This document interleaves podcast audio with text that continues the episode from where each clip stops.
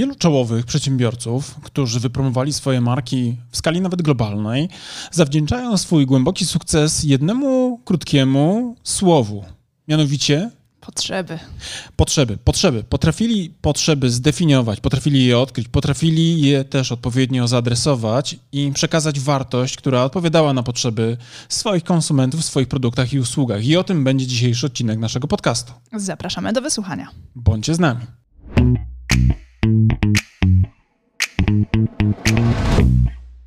Cześć Karolino, nie pytam się jak się czujesz, bo widzę, że wyglądasz dzisiaj pięknie, a jak się wygląda pięknie, to i czuję się dobrze, prawda? Cześć Mariusz, ja też nie zapytam cię jak się czujesz, bo słyszę, że masz dobry humor, więc chyba jest okej. Okay. A gdzie tutaj słowa o mojej pięknej aparycji, albo przynajmniej rokującej na całkiem niezłe, sensowne, że tak powiem, męskie rozdanie? E, no cóż, chyba wszyscy wiedzą, że jesteś przystojnym, e, pięknie wyglądającym mężczyzną, więc nie muszę chyba tego co chwilę potwierdzać. Nie liczy się, bo wyciągnięte zostało zupełnie z gardła praktycznie biorąc. No dobrze, ale przecież my nie o, nie o komplementach dzisiaj będziemy rozmawiać, tylko o sztuce, o sztuce odkrywania potrzeb. Chyba, że twoją potrzebą w tym momencie odkryję jest komplementowanie ciebie. Słuchaj, chciałbym raz usłyszeć, że jesteś ze mnie zadowolona. Jak już nie z mojego merytorycznego wkładu w nasze małżeństwo i rozwój naszego biznesu, to chociaż powiedz, że jestem na przykład, nie wiem, no, no nie wiem, no teraz to jest twoja kolej. Dobrze, ja sobie zanotuję te potrzeby, będę trzymała to na biureczku pod ręką, żebym zawsze mogła do tego się sięgnąć i czerpać z tego, by być na bieżąco i odpowiadać na te twoje potrzeby. No właśnie, docenienia, akceptacji, ale też i jak to w małżeństwie po latach, zwykłego ludzkiego uwielbienia. No dobrze, Twoje potrzeby mamy odkryte, ale teraz porozmawiajmy o tym właśnie, o tych potrzebach klientów, konsumentów e, i też może o pragnieniach konsumentów, bo czasami są one zbieżne, zbliżone do siebie, a nie zawsze są tym samym. No właśnie, bo myślę, że warto sobie w ogóle położyć taką dystynkcję, czyli odróżnić e, potrzeby od pragnień. Myślę, że rozmawianie o pragnieniach, a o potrzebach y, mieści się w pewnym zbiorze, prawda, gatunkowym, ale myślę, że oznacza coś innego. Gdybym miał zapytać się ciebie, co potrzebujesz w życiu, a co pragniesz, to gdybyśmy mówili o potrzebach, to co by to było? Bez czego byś, bez czego byś potrzeb nie mogła zostawić, a co byś wrzuciła do zbioru z pragnieniami? No cóż, potrzebuję ciebie do życia. tak? Czy już od razu zaspokoiłam twoje, twoją potrzebę uwielbienia cię? Być może Być jest może. to dobry początek. Być może tak. Ale właśnie, rozróżniając potrzeby od pragnień, moglibyśmy tak podejść do tego pragmatycznie, tak? Czyli potrzeby są tymi podstawowymi naszymi elementami, które potrzebujemy, żeby były zaspokojone, byśmy mogli funkcjonować. Czyli na przykład, jeżeli jesteśmy głodni, tak? Mhm to potrzebujemy coś zjeść, żeby zaspokoić głód, ale już naszym pragnieniem może być zjedzenie czegoś bardziej wyrafinowanego niż tylko kromki chleba z masłem.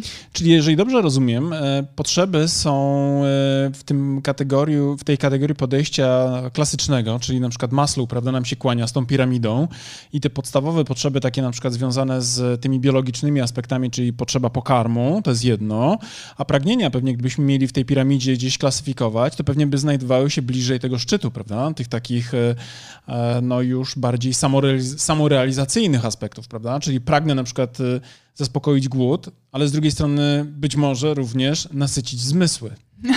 być może tak. Czyli to jest, ja mam takie poczucie, że te pragnienia są czymś, co nie jest nam niezbędne do przeżycia, ale byłoby nam niezmiernie miło, gdyby to się zrealizowało. No i właśnie to jest też, myślę, kluczowa kluczowa taka refleksja. To znaczy, myślę, że patrząc biznesowo na, na potrzeby i pragnienia, y, warto tak naprawdę y, dobrze się zastanowić, czy to, czego potrzebuję, czy definiować, albo inaczej, zanim dojdziemy do zdefiniowania tak naprawdę naszej oferty, żebyśmy dobrze sobie zastanowili się, czy adresujemy nasz produkt i usługę do potrzeb, czy do pragnień. Bo ja widzę tutaj pewnego rodzaju szanse i pułapki. Jakbym mógł Ciebie zapytać, to jakie widzisz na przykład takie związki z szansami dla potrzeb?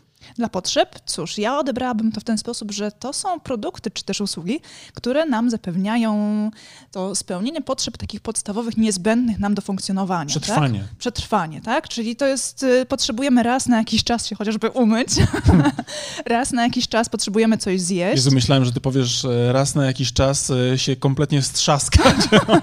Czemu strzaskać?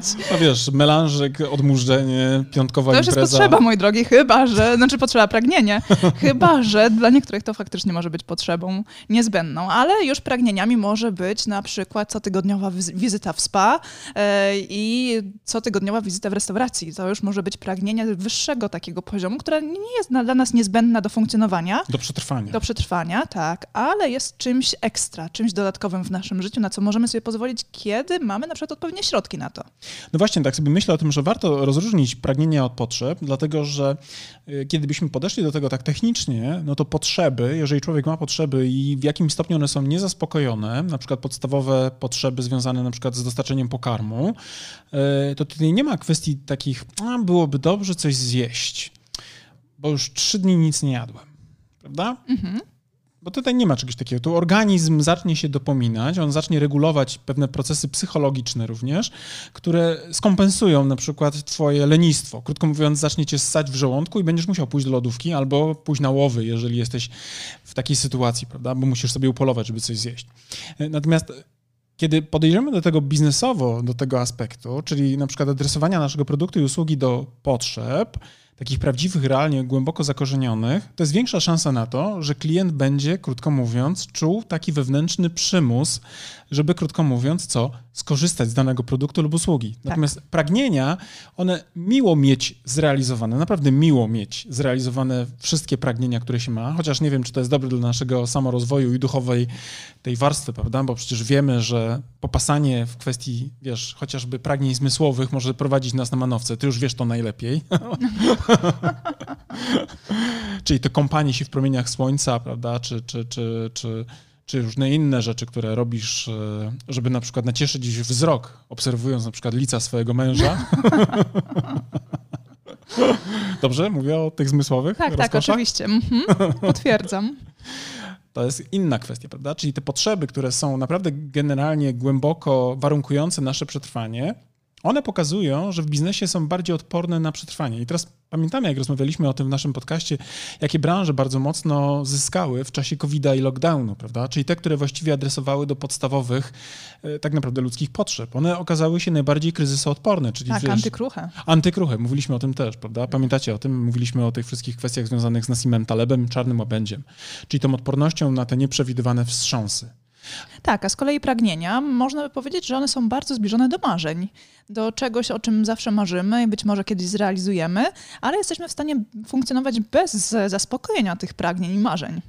Być może tak, a z drugiej strony pytanie, czy nie ma miejsca na rynkowym... E... Ale rzeczywiście, że jest miejsce, to wcale nie wyklucza, jest miejsce. Przecież wszystkie podróże są czymś, czego pragniemy i o czym marzymy e, i jednak przecież branża, branża turystyczna do czasów oczywiście COVID-a e, nieźle sobie radziła. No właśnie i teraz pytanie, czy nasz świat runął, dlatego że nie popłynęliśmy na przykład teraz w podróż, e, nie wiem, przez Atlantyk, prawda, do Nowego Jorku? E, no nie, ewidentnie nie. Natomiast nasz świat by runął, gdybyśmy nie byli w stanie zaspokoić tych podstawowych potrzeb związanych na przykład z potrzebą mieszkania, schronienia i tak dalej. Natomiast mhm. faktycznie masz rację, kiedy mówimy o, kiedy mówisz o tym, że na pragnieniach też można budować biznesy, to absolutnie się zgodzę. Natomiast pragnienia e, myślę, że są e, bardziej zyskowne, jeśli mówimy o perspektywy biznesowe, bo pozwalają produkować produkty wysokomarżowe. Oczywiście. I teraz myślę na przykład o markach luksusowych, prawda? Mm -hmm. Nikt nie potrzebuje torebki za 20 tysięcy. Zwróć uwagę, nikt nie potrzebuje, ale, ale wiele osób pragnie. Pragną, tak. wiele osób pragnie, nie? Wiele kobiet, myślę. A z drugiej strony mężczyźni nie potrzebują samochodu za milion złotych, mm -hmm. ale, ale, ewidentnie pragną, pragną go tak. mieć, nie? I teraz oczywiście, że można równie dobrze przejechać samochodem za 10 tysięcy z punktu A do punktu B, ale z drugiej strony, prawda, i ta potrzeba komunikacji będzie zaspokojona, ale pragnienie przemieszczania się, prawda, na odpowiednim komforcie e, już niekoniecznie na przykład zostanie tym samochodem zaspokojona. A jeżeli na przykład jesteśmy w branży właśnie, która zaspokaja pragnienia, to mamy oczywiście co? Pole do dostarczania wysoko marżowych produktów. Ważne, żebyśmy tak naprawdę umieli dokonywać tej dystynkcji. Jeżeli wybierzemy segment rynkowy, w którym zaspokajamy potrzeby podstawowe, to moim zdaniem mamy większą szansę na taką antykruchość biznesową, ale z drugiej strony musimy zdawać sobie również sprawę z tego, że musimy działać w skali, czyli tutaj wolumenowo. Krótko mhm. mówiąc, nikt nie zarobi tyle na jednej rolce papieru toaletowego, żeby móc na przykład przez pół roku nie pracować. Natomiast absolutnie myślę, że sprzedanie jednego na przykład jakiegoś produktu za kilka milionów złotych, na przykład jakiegoś apartamentu albo właśnie, nie wiem, jakiegoś dzieła sztuki, prawda, które zaspokaja absolutnie zmysły tego, I pragnienia. I pragnienia tego wyższego rzędu, absolutnie pozwoli komuś przetrwać na przykład być może nawet przez kilka lat, prawda? No tak, tak. Natomiast tak. zbycie takiego produktu w sytuacjach trudnych, ale nawet i myślę normalnego rynku, może być pewnego rodzaju wyzwaniem. No tak, ale tutaj rozmawiamy właśnie o pragnieniach, potrzebach, mm, ale musimy się też zastanowić, bo niektórzy klienci, konsumenci nie mówią jasno, wprost, czego potrzebują, czy też czego pragną. E, nie zawsze zdają sobie z tego sprawę, a czasami też nie chcą tego powiedzieć. I tu dotykasz właśnie tej sztuki odkrywania potrzeb klienta. To, co my nazywamy fachowo w naszej branży insightem konsumenta. Insight konsumencki to jest nic innego, Karolino, jak... Jak takie wnikliwe, głębokie spostrzeżenie w ten świat klienta, w jego potrzeby, prawdziwe motywacje i to, co zazwyczaj on ukrywa. To jest też takie głębokie zrozumienie tego, jak zachowuje się nasz klient, nasza grupa docelowa. Ja bym pewnie jeszcze mógł powiedzieć, że pewnie to, co go motywuje w ogóle też do podejmowania decyzji zakupowych. I teraz ważne, żebyście jako nasi słuchacze tego podcastu y, rozumieli, że właśnie to odkrycie tego insightu, prawda, czyli tej głęboko ukrytej, często nieoczywistej potrzeby, albo też i pragnienia właśnie naszej grupy docelowej, w zależności od tego, o czym my tu mówimy, mówiąc o tej y, dystynkcji na potrzeby i pragnienia, jest kluczem do formułowania tak naprawdę działań biznesowych. No dobrze, ale teraz wy jako słuchacze możecie się zastanowić, kto nie mówi jasno i wprost o swoich potrzebach. I dlaczego nie mówi? Przecież e, pierwsze na myśl mi przychodzą oczywiście mężczyźni, którzy prosto z mostu nie mówią co, co i jak, bądź też kobiety, które są zawolowane w różne domysły, ale z drugiej strony są też e, konsumenci na przykład, którzy kupują pewne marki, I kiedy są pytani wprost, dlaczego kupili ten produkt, to mówią jedno, a myślą drugie. I na przykład tutaj przychodzi nam marka Cadillac. Ja mam wrażenie też, że oni często mówią jedno, myślą drugie, a czasami trze czują trzecie. Czyli wiesz, gdybym miał to rozbić jeszcze na takie części składowe, no to przecież zobacz, y, ja mogę na przykład y, deklarować, że kupiłem, y, nie wiem, właśnie mm, samochód, prawda, za milion złotych, ponieważ on jest e, ekologiczny, ma silnik elektryczny, jest, e, wiesz, środowiskowo bardzo przyjazny, prawda, czerpie z OZE i tak dalej, i tak dalej, prawda, na poziomie deklaracji. Moja potrzeba jest na przykład ochrony środowiska, bo mogę tak na przykład mieć, ale wewnętrznie tak naprawdę czuję, czuję, prawda, czuję na przykład wzrastający poziom prestiżu. Tak? Ta emocjonalna sfera tego produktu, z którego zaczynam korzystać, zaczyna też budować moją tożsamość, prawda, człowieka sukcesu, ale też i świadomego ekologicznie, takiego nowoczesnego trochę, wiesz, taką emanację Elona Muska, tylko że na przykład... Dbającego o planetę. Tak, tylko że na przykład z Podlasia albo z Poznania, nie? Tak. No dobrze, ale ja wspomniałam o marce Cadillac, bo my też o niej mówimy w naszym kursie, z tego co pamiętam, prawda? Tak, mówimy o tym, tak. No właśnie. Była marka Cadillac, która przeprowadziła badanie wśród e, użytkowników swojej marki i zapytała właśnie użytkowników, dlaczego decydują się na zakup Cadillaca.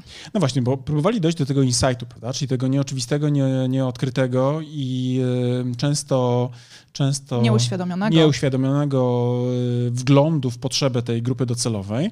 No i okazało się, że użytkownicy Cadillaca, czyli te osoby, które zdecydowały się na zakup i były użytkownikami tej marki, mówiły bardzo często o tym, y, wymieniając i deklarowały takie cechy bardzo racjonalne. Tak? Na zasadzie kupiłem Cadillaca, ponieważ jest to bezpieczny, rodzinny samochód, amerykańska solidna jakość, świetne hamulce, mocny silnik.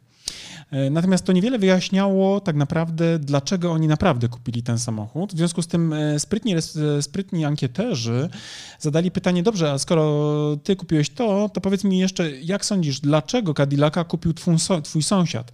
No i oni wtedy opowiadali, a widzisz, sąsiad kupił Cadillaca, ponieważ chciał zaimponować innym prawda, swój, dzięki na przykład manifestowaniu swoim statusem materialnym za pomocą tej marki swój również rozwój zawodowy. Tak. No właśnie, tutaj dochodzimy do tego, czego sami o sobie bezpośrednio byśmy nie powiedzieli, że wybieramy daną markę, bo chcemy zaimponować innym, no bo przecież to nie jest nic... E, Kupiłem Audi po to, bo... Chcesz panować? No, w życiu. No, nie, no ja... nie przeszłoby ci to przez gardło. Nie, no, w życiu. Audi nie, nie. Ono nie wyraża mojej tożsamości. Ono nie ma pokazywać, że jestem turbo do przodu. No tak. Nie po to jeżdżę A na z kolei komputery Apple Je, nie mają sugerować, że jesteś kreatywny i tak. lubisz prostotę, jeżdżę minimalizm i elegancję. Jeżdżę na 20-calowych felgach, ponieważ są, wiesz, racjonalne. Wygodne. wygodne i racjonalne. Poza tym lubię wiesz, tak naprawdę lubię czuć kontakt z nawierzchnią, dzięki czemu auto się prowadzi lepiej. Nie? Tak, tak. Guzik, tak. prawda, oczywiście, że jeździmy na 20-calowych felgach w marce, którą lubię i z którą się utożsamiam, ponieważ buduje oczywiście to moje ego, prawda, męskie ego i dodaje mi punkty do lansu. I tak samo jest z konsumentami. Oni często mówią jedno, a deklarują, y, w sensie deklarują za pomocą powiedzmy aparatu mowy jedno, ale kiedy pogrzebiemy w ich y, tym takim trochę repertuarze podświadomych y, aspektów, to się może okazać właśnie, że są zupełnie inne rzeczy. Że które, tam pod powierzchnią które jest kierują. coś innego. Tak tak tak, tak tak tak, I na przykład my czasami, znaczy my kiedyś współpracując z pewną branżą, mieliśmy też taki insight, do którego doszliśmy, odnośnie potrzeb grupy docelowej, jeżeli chodzi o szkolenia wyjazdowe. To y, były to szkolenia oczywiście prowadzone przez y, profesjonalnych, merytorycznych trenerów. E, były to szkolenia e, wysokiej jakości. To było też zdecydowanie, zdecydowanie podkreślane przez kupujących, że na tym, na tym im zależy.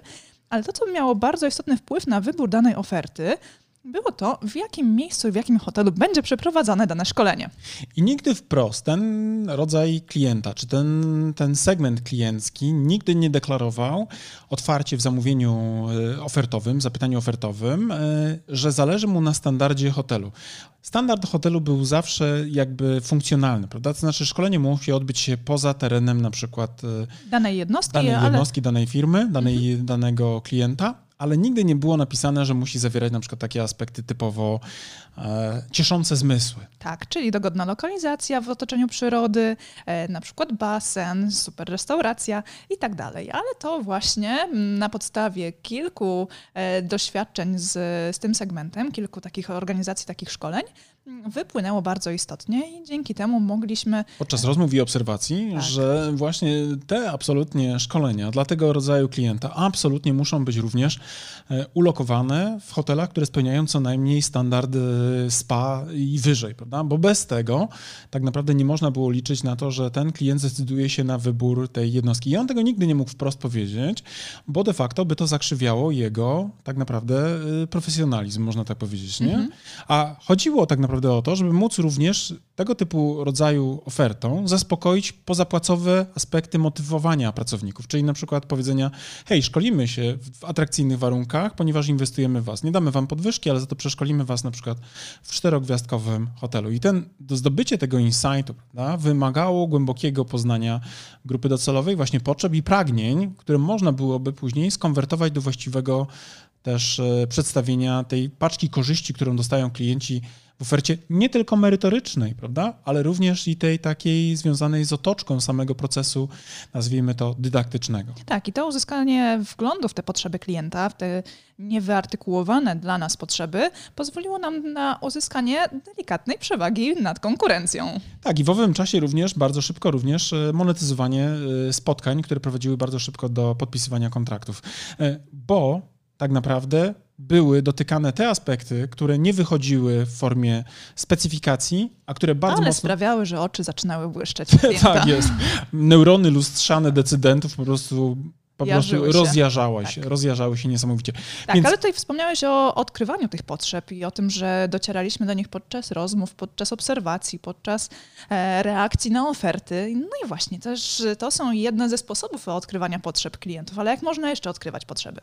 E, jest wiele sposobów, bo tu oczywiście mówimy o takich rzeczach, które może zrobić każdy na, na, na, na poziomie nawet, e, nie wiem, chociażby przedstawicieli handlowych, którzy będąc uważnymi słuchaczami i obserwatorami, są w stanie wyłapywać takie właśnie sygnały ze strony klienta, klienta, na które ten klient będzie wrażliwy i sobie, krótko mówiąc, je klasyfikować i, nie wiem, wprowadzić do CRM-u, prawda, i opisać to w formie właśnie takiego precyzyjnego insightu na temat danej konkretnej grupy docelowej lub też tego konkretnego e, partnera, na którym mu zależy.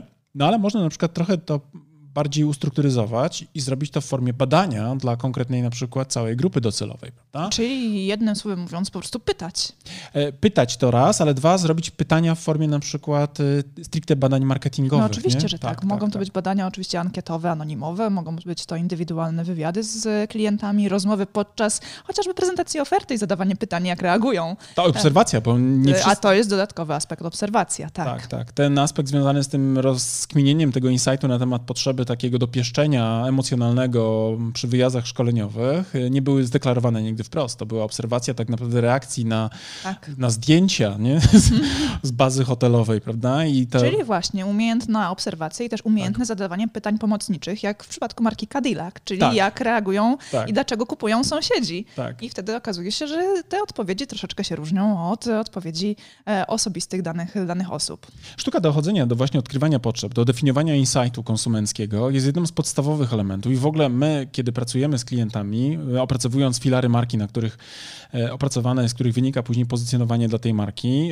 najwięcej pewnie nakładu właśnie wkładamy, czy też najwięcej nakładu pracy kosztuje nas dojście do insightu i opisanie tego w sposób syntetyczny. No ale o tym też mówimy w naszym kursie ABC Strategii Marki. Jeżeli... No właśnie, bo my się tutaj rozgadaliśmy, no całkiem właśnie. sporo powiedzieliśmy o potrzebach, ale też całkiem sporo mówimy w naszym kursie o tym, jak odkrywać te potrzeby i jak między innymi przygotować badania marketingowe. Żeby do tego dojść. Tak? Żeby do tego dojść, tak. Tam są przez nas polecane narzędzia, dzięki którym możecie wspomóc swoją pracę. No i też narzędzia takie stricte badawcze, czyli na przykład z jakich narzędzi do zrobienia ankiet możecie się posłużyć, prawda, jakim możecie się posłużyć. Jakie pytania zadać, by odkryć odpowiednie e, potrzeby, potrzeby i jak do tego wszystkiego dojść, które potrzeby chcecie odkrywać. Tak, tak. I jak to też e, przedstawić w sposób syntetyczny, bo są różne formy podejścia do przedstawienia insightu. My przedstawiamy też takie przykłady własnych opracowań i przedstawiamy też naszym e, uczestnikom naszego kursu, jak do tego insightu dojść i jak go też opisać, tak, żeby był użyteczny. Też, bo mamy takie dla każdego, kto jest w naszym kursie, również materiały pomocnicze,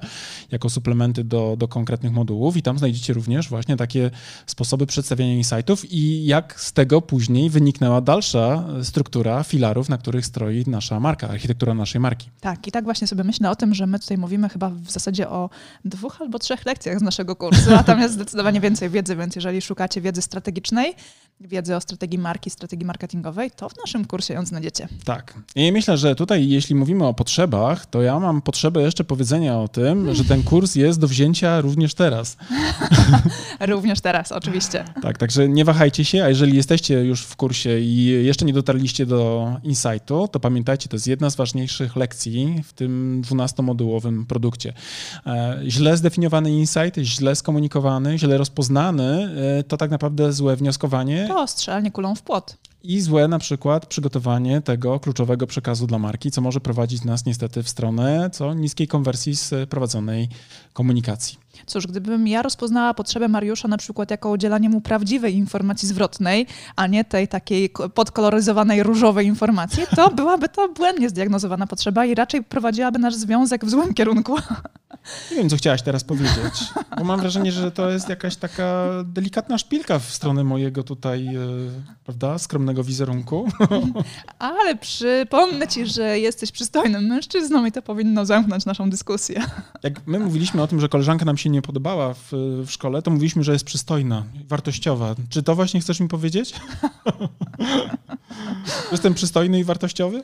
E, tak, i masz poczucie humoru. No. To mnie ratuje, nie? Tak. To mnie ratuje. Ja mam nadzieję, że właśnie to mnie wyciągnie z każdej opresji. Moi drodzy, e, myślę, że teraz, e, aby podkreślić to, co tutaj mówiliśmy w tym naszym dzisiejszym podcaście na temat sztuki odkrywania potrzeb, ważne jest, żebyśmy nie traktowali potrzeb jako takiego, bym powiedział, kwiatka do kożucha, tylko to jest fundamentalnie istotny aspekt naszego biznesu, prawda? Zarządzania... Tak, musicie też pamiętać, że kreowanie produktu bez zrozumienia potrzeb, odkrycia potrzeb waszych klientów może być problematyczne z tego względu, że potem ciężko wam będzie dotrzeć do klientów z produktem, który nie jest odpowiednio dopasowany do tych potrzeb. I teraz możemy sobie zadać pytanie, czy... Co przy... jest pierwsze, jajko czy kura, czy produkt, czy potrzeby? To jest raz, albo też na przykład drugi punkt widzenia, bo też wielokrotnie będziemy spotykali się z takimi tezami, że e, potrzeb się nie odkrywa, potrzeby się kreuje, prawda? E, natomiast pytanie oczywiście na poziomie typowo retorycznym, e, czy naprawdę każdy musi, krótko mówiąc, prawda, zaczynać od tej trudniejszej strony, bo zdecydowanie znacznie trudniej kreuje się potrzeby niż odkrywa te rzeczywiste. E, plus jest dużo większe ryzyko, że krótko mówiąc, to co próbujemy wykreować jako potrzebę, tak naprawdę jest tylko i wyłącznie naszą fantasmagorią, naszym pobożnym życzeniem, prawda? Ja mhm. wielokrotnie pracuję z klientami, którym się wydaje właśnie, że te, te, te swobodne kreowanie potrzeby tak naprawdę jest tylko i wyłącznie jakimś jego wyobrażeniem na temat tego, co by mogło się sprzedawać, ale nie ma w ogóle uzasadnienia w e, rynkowych e, i konsumenckich realiach. Ja osobiście uważam, że lepiej zadać sobie trud na odkrycie tych potrzeb rzeczywistych, zdefiniowanie ich, właściwe też przekazanie i zaadresowanie za pomocą udanej, dobrze przygotowanej komunikacji marketingowej, niż e, kreowanie czegoś, na co być może w ogóle nigdy szansy na, na sukces nie będzie. Plus pamiętajmy o tym, że sztuczne kreowanie potrzeb może być kiedyś przez ludzi zdemaskowane jako nieautentyczne, jako nieprawdziwe i wręcz oszukiwanie ich, prawda? Bo kiedy bym ci powiedział, że potrzebujesz na przykład teraz No pracować, uważaj, uważaj. pracować ciężej, dłużej, prawda, żeby być szczęśliwa, przez moment byś uwierzyła, ale potem byś się kapnęła, że zostałaś po prostu zwyczajnie zmanipulowana, e, no to być może co? Okazałoby się, że fizycznie, krótko mówiąc, masz dosyć, prawda? Masz przesyt. I oczywiście mówię to anegdotycznie, ale prawda jest taka, że nikt nie lubi być manipulowany, prawda? I uważam, że to jest ta ta ciemna strona marketingu, która potrafi ludziom też namotać w głowach i manipulować za pomocą różnych sztuk e, perswazyjnych czy też retorycznych e, technik, ale najbardziej moim zdaniem perspektywiczne są te produkty i te usługi, które realnie naprawdę odpowiadają na głębokie potrzeby grupy docelowej e, albo też pragnienia, jeżeli sobie definiujemy na przykład nasze cele jako te takie bardziej, nazwijmy to, mm, graniczące z tym szczytem piramidy Maslowa, niż na przykład wkodowywanie czy też wpisywanie komuś do bani e, czegoś, co naprawdę on nie potrzebuje, bo on się zbuntuje prędzej czy Wciskanie później. dziecka w brzuch, jak to się mówi. Tak jest, Tak, ładnie to tak, powiedziałeś. Tak, tak, tak. No właśnie, bo to kreowanie potrzeb to jest takie wmuszanie w kogoś naszego produktu czy też usługi i wmawianie mu, że, że on tego potrzebuje, a to niestety może właśnie być bardzo krótką drogą naszego Prowadzi do biznesu. buntu emocjonalnego, prawda? Do sprzeciwu, kiedy on się w końcu kapnie, że on jednak tego nie potrzebował, tylko że ktoś właśnie zmanipulował jego na przykład percepcję danego zjawiska i mu coś wcisnął, prawda? A myślę, że to może prowadzić do rozczarowania. Krótkoterminowe sukcesy danej, danej na przykład kampanii, ale za chwilę na przykład kryzys w mediach społecznościowych, bo coś komuś właśnie ktoś, mówiąc kolokwialnie, brzydko ożenił. Tak. Zatem mała taka przestroga. Raczej odkrywajcie potrzeby, bo ocean, że tak powiem, możliwości ukryty w potrzebach konsumenckich jest naprawdę moim zdaniem ogromny. Można je adresować na wiele różnych sposobów, natomiast myślę, że nie starajcie się Zdecydowanie prościej jest uświadomić klientom ich potrzeby, odkryć je, i potem uświadomić na Tak, poziomie odkryć i rzeczowej, takiej uczciwej, tak, pełnej autentyzmu komunikacji, niż de facto wciskać im dziecko do brzucha, którego oni na przykład, e, co, nie oczekiwali. Oj tak, oj tak. No właśnie. No dobrze. No i myślę, tak, Tak, no i chciałam jeszcze raz powiedzieć, że jeżeli y, chcecie się dowiedzieć więcej o potrzebach, o odkrywaniu potrzeb, o badaniach e, konsumenckich, o badaniach waszej grupy docelowej, to zapraszamy do naszego kursu. Gorąco, gorąco, Gorąco. Bo to jest gorące sierpniowe popołudnie, 30 stopni mamy na liczniku, prawda? To i Tak. gorące zaproszenie. Gorąco, gorąco. No właśnie. I No, słyszymy się w kolejnym odcinku. Tak jest. I tym samym mówimy Wam do zobaczenia. Cześć. Do usłyszenia. Cześć.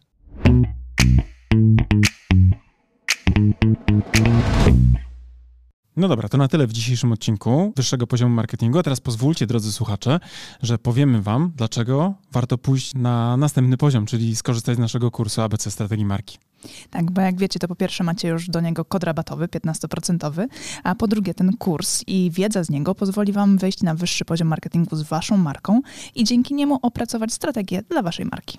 I to jest oczywista oczywistość, prawda? Tego byśmy nawet nie musieli mówić, gdyż już na pewno wiecie. Natomiast to, co nie jest pewnie dla Was jasne, to to, z jakich elementów składa się ten kurs, prawda? Pierwszy taki, najważniejszy, od którego zawsze wychodzimy, który, uwaga, jest najmniej pewnie spektakularny, no bo wiąże się przede wszystkim z tą robotą w okopach, czyli analizą, prawda? To jest ten pierwszy obszar, który jest naprawdę niezwykle istotny. Dzięki naszemu kursowi APC Strategii Marki będziecie wiedzieli, jak zrobić badanie marketingowe, które pozwoli Wam określić to, co nazywamy fachowo consumer insightem, czyli insightem konsumenckim, albo inaczej mówiąc po polsku, po prostu tak jak należy, patriotycznie, co jest potrzebą konsumenta. Tak, ale też e, ten kurs pozwoli wam przejść do drugiego etapu, czyli etapu strategicznego i opracować strategię waszej marki, czyli znaleźć też unikalne pozycjonowanie dla waszej marki. No oczywiście jak to zrobić, dowiecie się z kursu, natomiast zaręczam Wam, że ta wiedza, która jest w tym kursie przedstawiona, zdecydowanej większości z Was pozwoli naprawdę zdystansować się od Waszych konkurentów i po prostu zwyczajnie zarabiać więcej. A skoro już będziecie wiedzieli, jakie macie unikalne pozycjonowanie przyjąć dla waszej marki, to też z, z naszym kursem dowiecie się, w jaki sposób docierać do waszych odbiorców, by w ich umysłach zbudować właśnie to odpowiednie pozycjonowanie. Będziecie wiedzieli, jak tworzyć wizerunek waszej marki, będziecie wiedzieli również, jak mierzyć postępy, a to wszystko, o czym teraz mówię, tak naprawdę zawiera się w tej części, którą my jako strategzy nazywamy strategią komunikacji marki. Także ten nasz kurs, jako jedyny chyba na rynku w Polsce, bo ja nie spotkałem jeszcze tak kompleksowego podejścia, pozwoli wam nie tylko mówić o tym, co komunikować, ale również dlaczego komunikować i do kogo, co pewnie jest najważniejsze. Oraz gdzie komunikować. Tak, i jak mierzyć oczywiście wszystkie aspekty i nie tylko te performance'owe typu kliknięcia w link, ale również to, co mają w umysłach i w głowach i w sercach wasi klienci.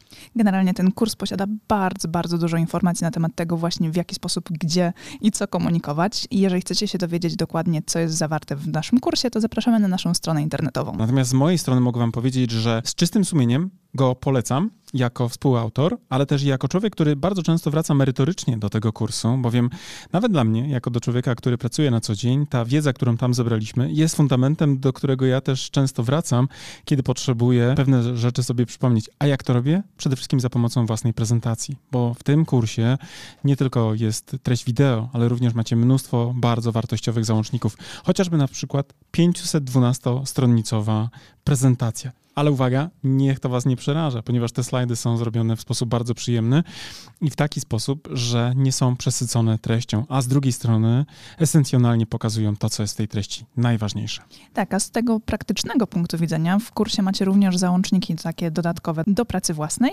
e, z którymi możecie opracować własną strategię. Jest szablon opracowania strategii marketingowej, ale też jest przykładowa strategia naszej marki.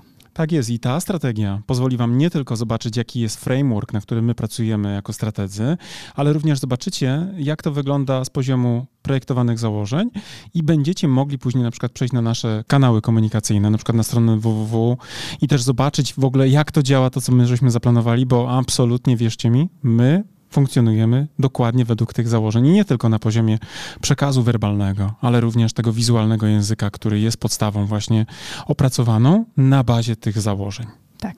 Zatem, jeżeli chcecie dołączyć do naszego kursu, zapraszamy na naszą stronę internetową. Jeżeli jeszcze nie jesteście pewni, również zapraszamy na naszą stronę internetową, by dowiedzieć się więcej.